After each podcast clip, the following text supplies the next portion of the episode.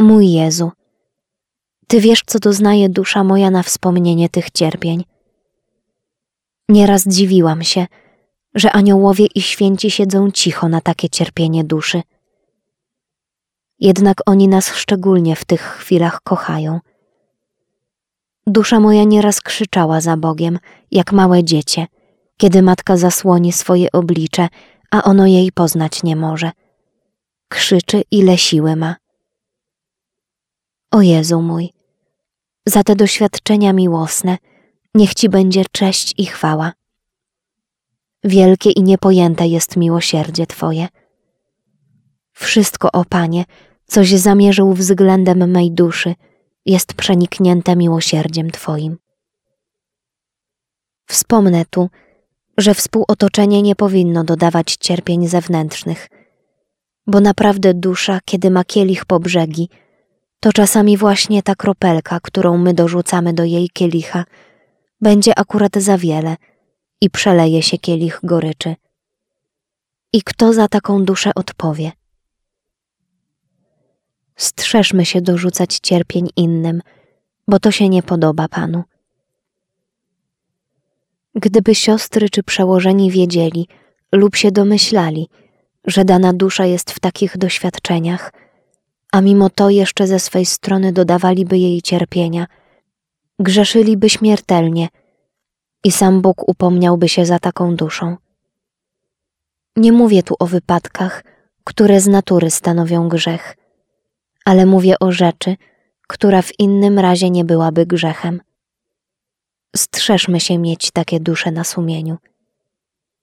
Jest to wielka wada w życiu zakonnym i powszechna, że jak się widzi duszę cierpiącą, to zawsze chce jej się dodać jeszcze więcej. Nie mówię o wszystkich, ale są. Pozwalamy sobie na wydawanie sądów rozmaitych i mówimy tam, gdzie nie powinniśmy tego nieraz powtarzać. Mały członek jest język, ale wielkie rzeczy czyni. Zakonnica niemilcząca nie dojdzie nigdy do świętości, czyli nie zostanie święta. Niech się nie łudzi, chyba że mówi przez nią Duch Boży. W ten czas nie wolno milczeć. Ale na to, żeby usłyszeć głos Boży, trzeba mieć ciszę duszy i być milczącą. Nie milczeniem ponurym, ale ciszą w duszy. To jest skupieniem w Bogu. Można wiele mówić, a nie przerwać milczenia.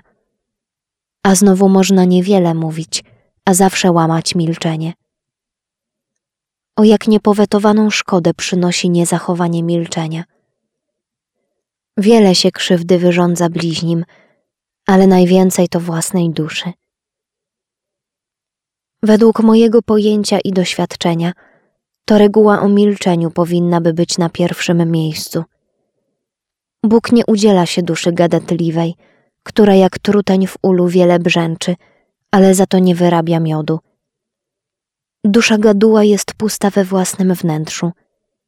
Nie ma w niej ani cnót gruntownych, ani poufałości z Bogiem. Nie ma mowy o życiu głębszym, o słodkim pokoju i ciszy, w której mieszka Bóg. Dusza nie zaznawszy słodyczy ciszy wewnętrznej, jest duchem niespokojnym i mąci innym tę ciszę.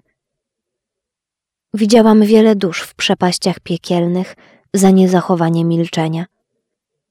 Same mi to powiedziały, kiedy je zapytałam, co było przyczyną ich zguby. Były to dusze zakonne.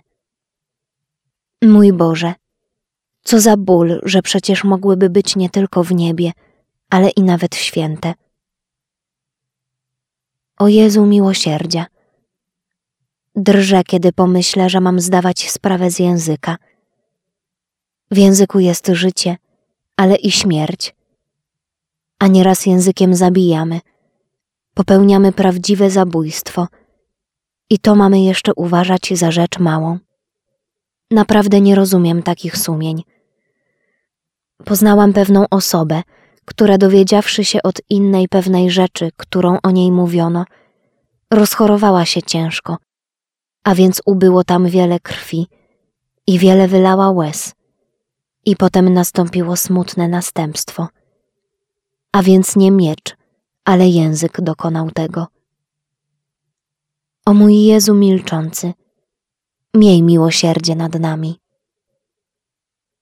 Zeszłam na temat milczenia, przecież nie o tym chcę mówić, ale o życiu duszy z Bogiem i o jej odpowiedzeniu łasce.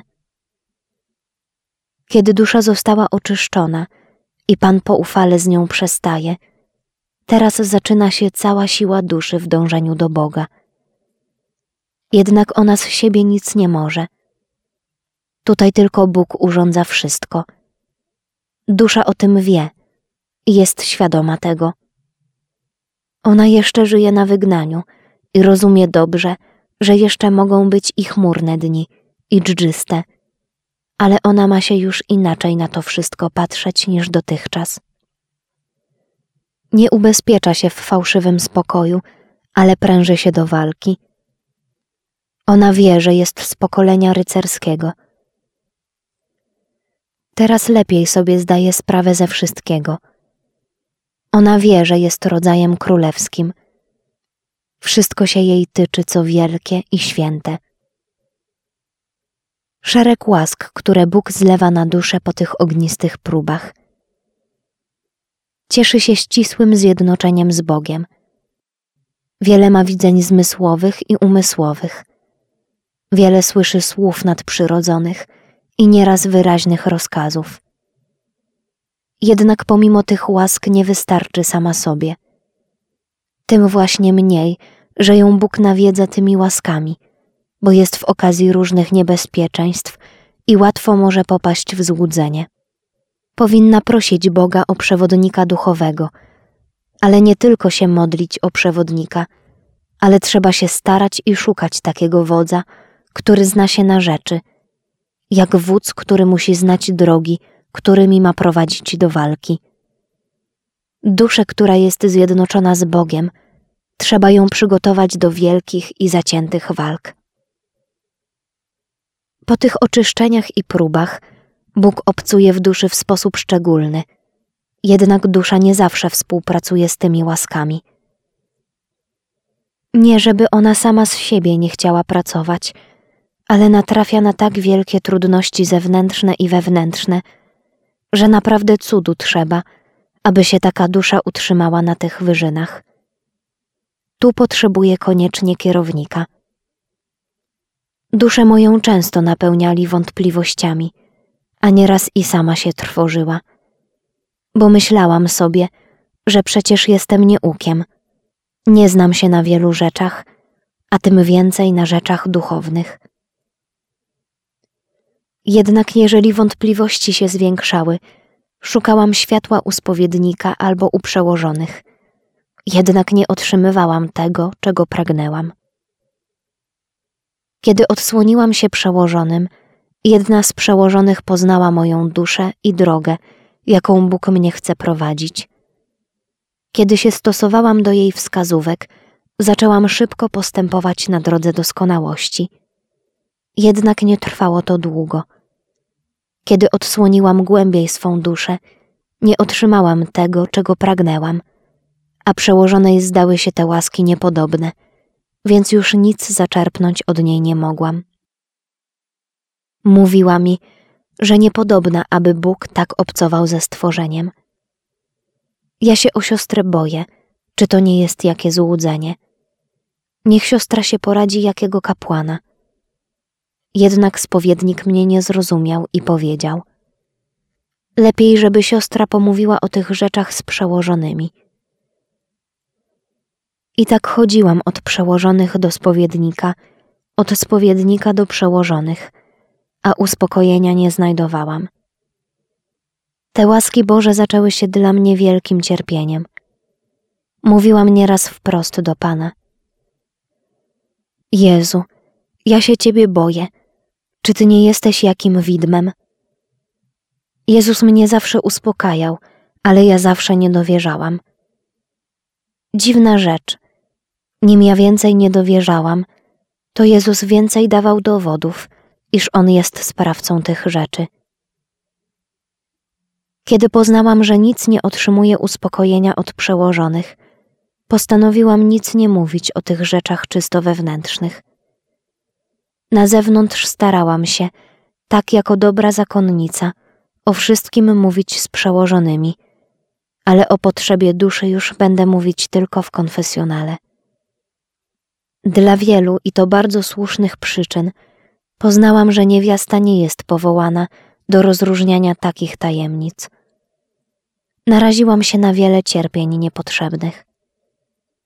Przez dłuższy czas byłam uważana jakoby opętana przez złego ducha i patrzono na mnie z politowaniem, a przełożona poczyniła pewne ostrożności co do mnie.